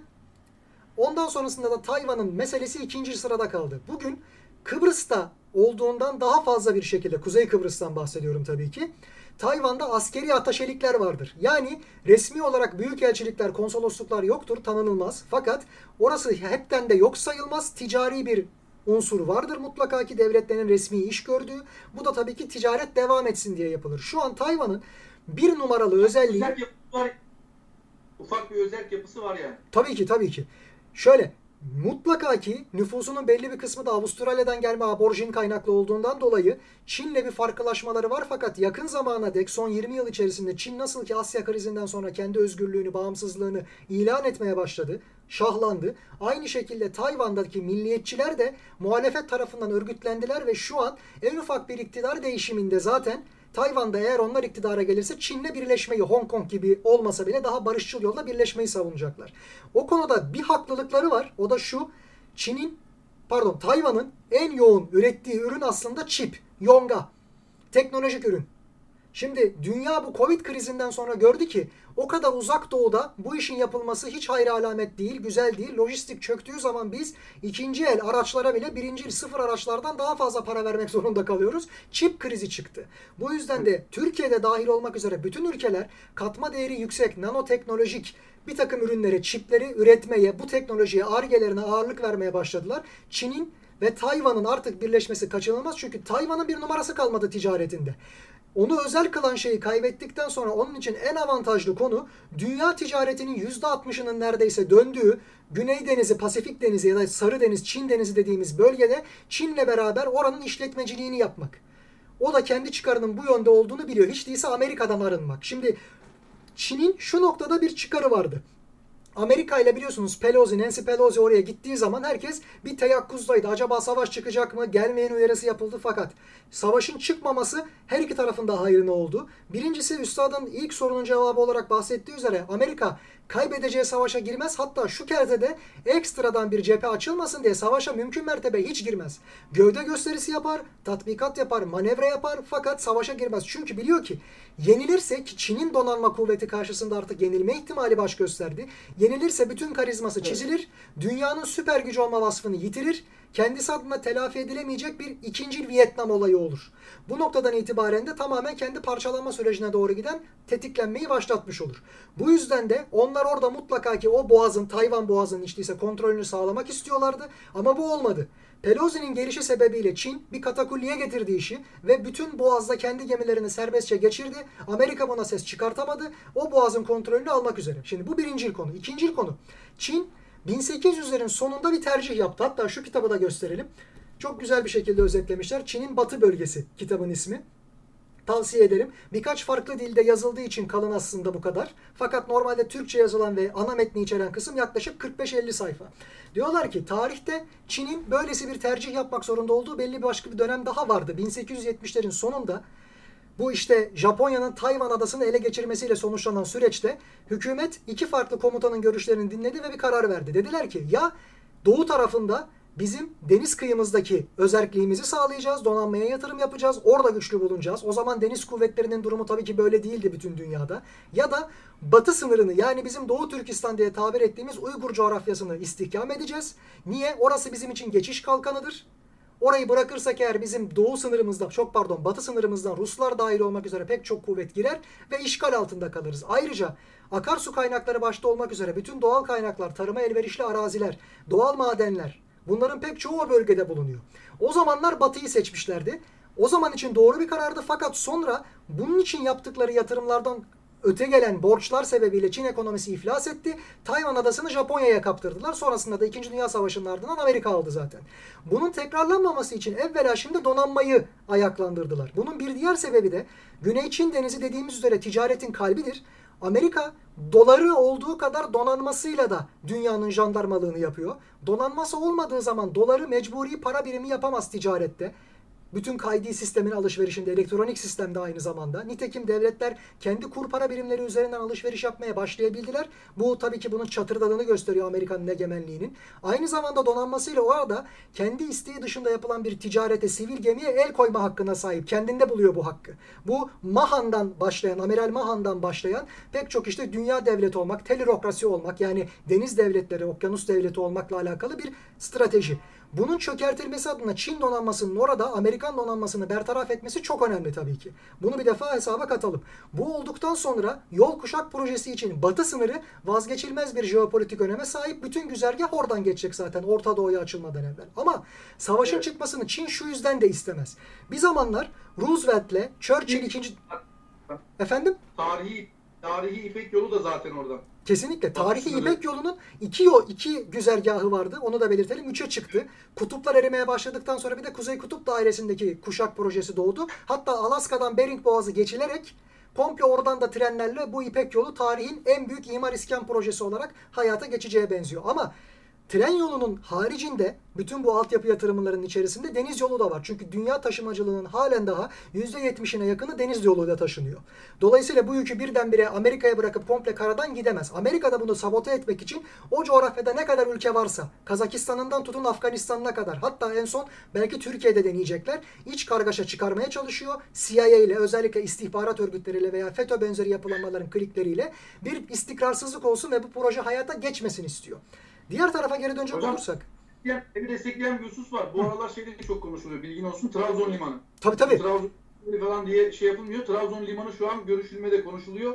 Hatta hazırlar hatırlarsan Artvin e, e, Artvin Rize Artvin hava yolu e, açıldığında bütün ana akım medya tarihi İpek yolu konusunda önemli bir geçiş güzergahı olarak verdi haberler.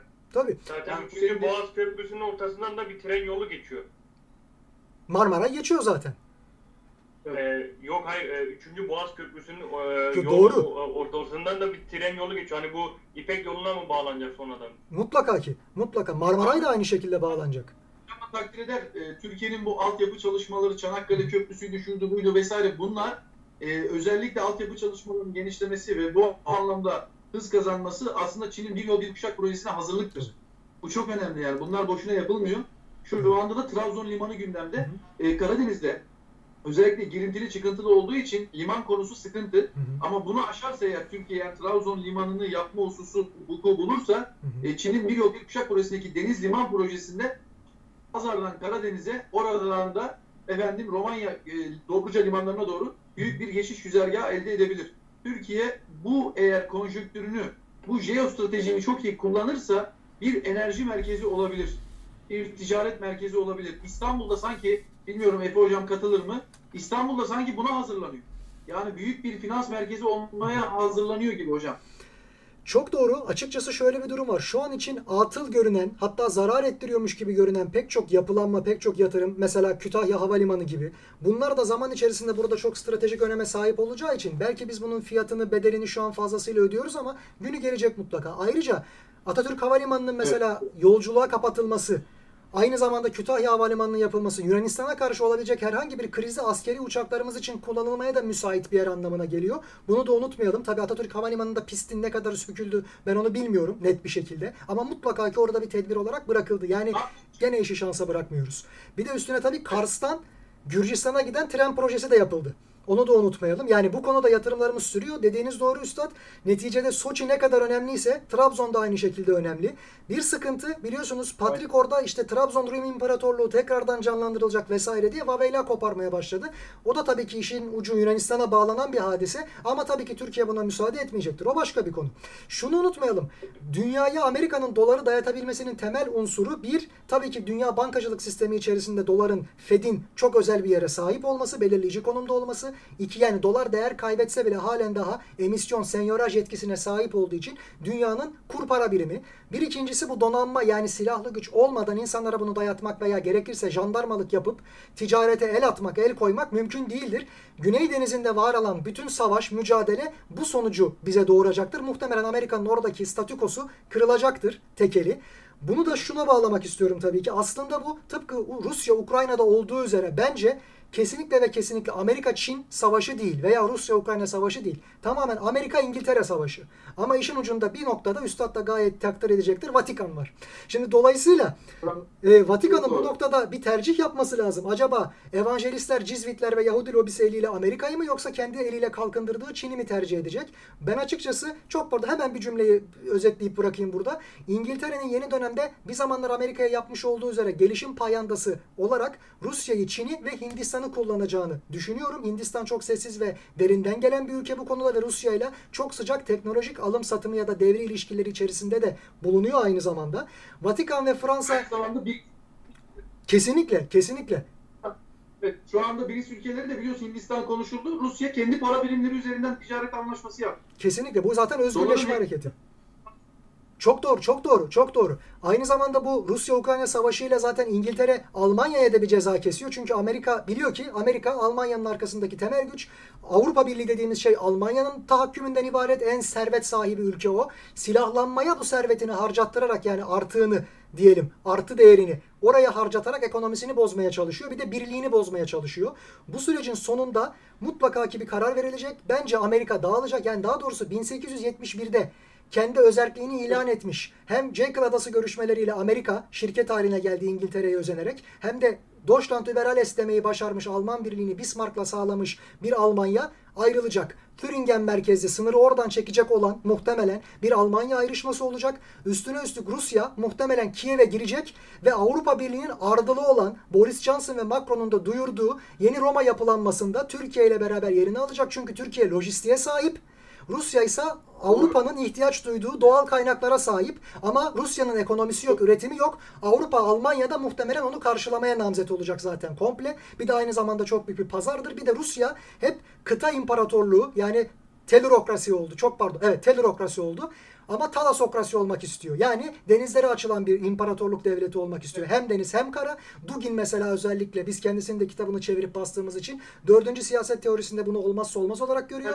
Çin de aynı şekilde büyümeyi olmazsa olmaz olarak görüyor. Vatikan ve Fransa Batı Afrika ülkelerinin servetlerinden mahrum kaldılar. Biz orada vaziyet ettik ve onları oradan mahrum bıraktık. Çöküşe giden yol. Vatikan burada elindeki iki tane karttan bir tanesini oynayıp Yahudilerle yan yana işbirliği yapmak zorunda kalacak. Yaşamak istiyorsa çünkü İtalya'da çekildi yol kuşak projesinden diye düşünüyorum. Benim açıkçası düşüncelerim bunlar. Peki e, çok teşekkür ediyorum. E, Koray abi e, Çin Tayvan soruda- şeyin. Buyur.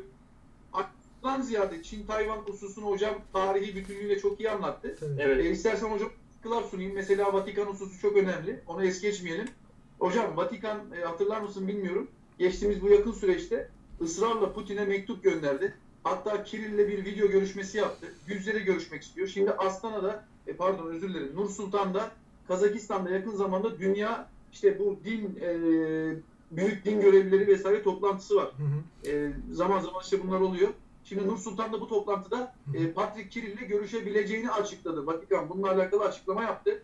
Vatikan bir de ısrarla hatırlarsan Papa'nın verdiği bir röportajda Ukrayna-Rusya hususunda Hı hı. açık açık dedi ki e, NATO dedi orada havlayan bir köpek gibi dedi. NATO'yu köpeğe benzetti.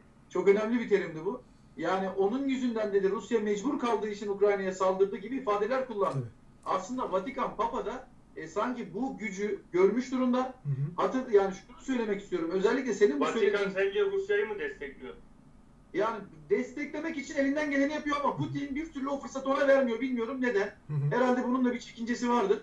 Ee, ben özellikle bu Nur Sultan'daki Kazakistan'ın Nur Sultan şehrindeki o dünya din görevlileri işte din e, büyükleri vesaire neyse artık o toplantıyı merak ediyorum. Ee, o toplantıda neler konuşulacak? Kiminle buluşulacak mı? Vesaire. Çünkü hocamın dediği gibi bak o büyük gücü birçok ülke gördü. Suudi Arabistan gördü. Birleşik Arap Emirlikleri gördü. Türkiye ile apar topar görüşmeler boşuna değil. Hatırlarsanız bu süreçte Biden'ın telefonlarına çıkmadılar. Reddettiler. Hakaret ettiler. Biden buna bir anlam veremedi. Yani Trump'ın yaptığını yapabildiğini Biden yapamadı burada.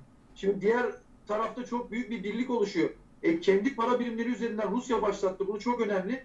Rusya Kırgızistan'da bu anlaşmayı imzaladı. Kendi para birimleri üzerinden ticareti. E, Türkiye'de Soçi görüşmesinde en çok gündeme gelen husus hocam biliyorsun. Rubleyle ve Türk lirasıyla alışveriş. E, zaten hali hazırda İran'la biz bunu yapıyoruz. Tümen ve e, Türk lirası üzerinden alışveriş. Oraya Dünya ülkeleri de buna katıldı. Bence çok büyük bir doların hegemonyasının sarsılacağı bir döneme giriyoruz. Hocamın da dediği gibi Amerika bir iç savaş da kuruldu 13 koloniyle bir iç savaşla da parçalanacak. Koray Hocam sizce dünya bir kutuplaşmaya mı gidiyor? Hani bir tarafta Avrasya Birliği, bir tarafta Batı, Avrupa ve Amerika böyle bir hale dönüşmüş gibi bir hal var. Çünkü Rusya hani tamam e, Almanya ilişkilerini kesti. Rusya ile gaz anlaşmasını falan filan gaz almıyorlar, şunu bunu almıyorlar ama Rusya öbür taraftan Asya'daki ülkelerle anlaşıp oradaki Rus e, kendi para birimiyle anlaşmalar sağlamaya başlıyor. E, Rusya zaten söylüyor bak şimdi hep bu savaş başladığında herkes şunu söylemişti. Hani sözde bizim böyle stratejistlerimiz var ya televizyonlara çıkıyor ana akım medyada hep aynı kişiler. Biz bir sıcak Rusya-Ukrayna çatışması beklemiyoruz dediler. Oldu. Bak ne diyorlarsa onlar onları dinleyin ama terslerini dinleyin. Ya. Onlar onu dedi ne oldu sıcak çatışma oldu. Onlar sonra dedi ki ya dedi e, Rusya tuzağa düştü dedi. Amerika'nın tuzağına düştü dedi. Ben o zaman dedim ki hayır Avrupa tuzağa düştü dedim. Bunu Avrupa daha iyi anlayacak. Çünkü 2020 yılından beri Amerika inanılmaz derecede sen de biliyorsun bak sana da atmıştım ben Ahmet. E, Evet. vardı. Hatta Almanya'dan silah sevkiyatı çok büyük sevkiyatlar oldu. Israrla bu- vardı elimizde doğru. Evet. Şimdi bak bunun neden olduğu ortaya çıktı. Avrupa'yı resmen tuzağa düşürdü burada Amerika NATO. Şimdi Amerika daha yeni e, Stoltenberg NATO açıklama yapmış. Diyor ki "A- Avrupalı ortaklarımız merak etmesin. Onları efendim işte bu kötü duruma muhtaç etmeyeceğiz. Yani Rusya'nın hususuna. Geçmiş olsun. A- Ame- orada Ame- Avrupa tuzağa düştü. Çok net. Yani Rusya şu an bu kartların oynamasında haklı. Geç bile kaldı. Sen tüm gücünle ambargo uyguluyorsun. Bak bir de öyle bir ikiyüzlülük var ki. TÜSİAD'a mektup yazıyor. Amerika Hazine Bakanlığı. Bak bu kaç oldu? Amerika Hazine Bakanlığı'nın işi gücü bize mektup yazmak, tehdit. Ya kardeşim TÜSİAD'a bir mektup yazıyorsun. Bu Evet. geçenlerde oldu. Olacak iş değil değil mi Efe Hocam? Evet evet. Hakikaten trajikomik.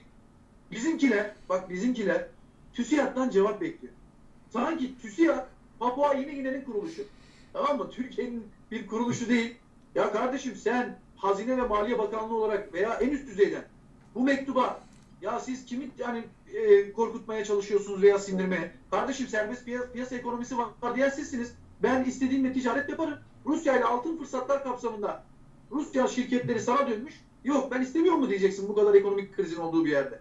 Ama aynı Amerika, 200 Amerika, Güney Kore ile Rusya geçtiğimiz günlerde 2.25 milyar dolarlık anlaşma yaptı. Yazsana Güney Kore'ye mektup. Ama yazmaz. Niye? Onun işi gücü Türkiye'yi tehdit etmek. Bak Türkiye ile hala cevap vermedi ya. Yani gerçekten Hı hı. fecaat bir durum. Bilmiyorum Efe Hocam bu Peki konuya ne diyor? Çin, Çin Tayvan olayını e, toparla Pardon buyurun efendim. Çok ufak. Ee, şöyle bir anekdot eklemek istiyorum. Çok da güzel yeri geldi. Neticede TÜSİAD'ı herhalde bizim hükümetimiz o kadar millilikten uzak görüyor ki onların bağımsız olarak vereceği cevabı ayrıca bir bekliyor. Çünkü Amerika kendi şirketlerine bile söz geçiremiyor.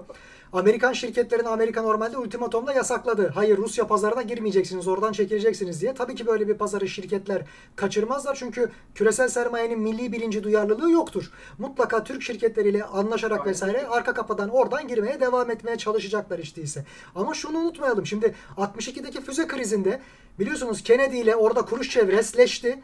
Az daha savaş çıkacak dendi. Küba'da bir füze krizi yaşandı. Ucu tabii ki bize dokundu. Bizdeki Jüpiter füzelerini aldılar götürdüler. Ve devamında Evet.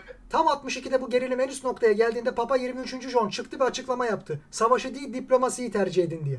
Ne ilginçtir konsil de o zaman toplanmıştı. Yıllar sonra aradan itibaren 3 yıl sürdü o konsil. Ne hikmetse 2 yıl geçmeden O 60... üçüncü hocam. Efendim? Vatikan'ın üçüncü konsulundan bahsediyorsun. Evet, Vatikan'ın evet. Üçüncü konsul. Evet yani tam o Hocam, zamana o- denk gelmesi çok o- enteresandı. Üçüncü bin yılda Asya'yı ve Avrupa, e, Orta Doğu'yu Hristiyanlaştıracağız dedikleri e, konsul. Koray Ve- hocam Koray e, soru biraz saptı herhalde. Dur. Başka yerlere geldik de. Hemen Koray geleceğim abi oraya. Son sözümü bırakayım sonra şeye geldik. Koray abi de toparlayalım.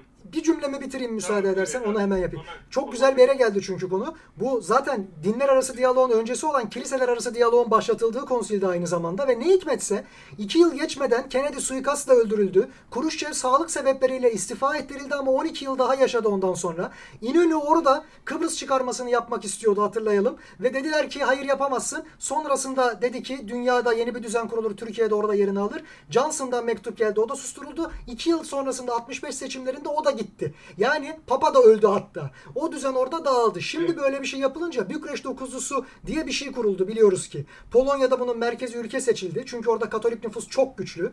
Güney Amerika'da da aynı şekilde Vatikan'ın nüfusu çok güçlü.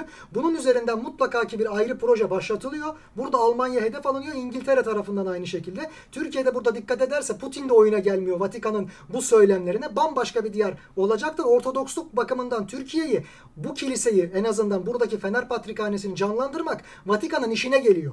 Burayı bölmek açısından, Türkiye ile Rusya'yı birbirine düşürmek açısından hiç değilse deyip sözümü noktalayayım. Çok teşekkür ederim. Koray abi e, hocam bak Ahmet çok önemli bir şey dedi hocam. Çok önemli bak bunlar ana akım medyada yer almayan bilgiler. Sana çok önemli bir ek yapayım hocam. Hatta bu papa biliyorsun proje papa. Ben öyle diyorum buna ilk geldiğinden beri. Birinci Francis. Onun öncesi papa 16. Benediktus görevi bıraktı sağlık sebepleri yüzünden hala yaşıyor. Hala çatışıyorlar. yaşıyor. Çatışıyorlar. Tabii. Çünkü bak bu proje papa özellikle getirildi. Senin dediğin gibi hemen Fener Rum Patrikhanesi Bartolomos'la kucaklaştı. Yeniden böyle Ortodokslarla, efendim Rum Ortodokslarla Katolikler arasında bir birliktelik kurmaya Ya. çalıştı. Özellikle getirildi. Ya. Senin dediğini destekleyen yapıyorsun. Evet. Teşekkür Peki ederim. Koray hocam, e, Çin Tayvan meselesinde e, soruyu e, son kez toparlayıp e, istiyorsanız bu bölümü burada bitirelim. İleride bu üçlüyle tekrar bir yayın yapalım çünkü güzel bir yayın oldu.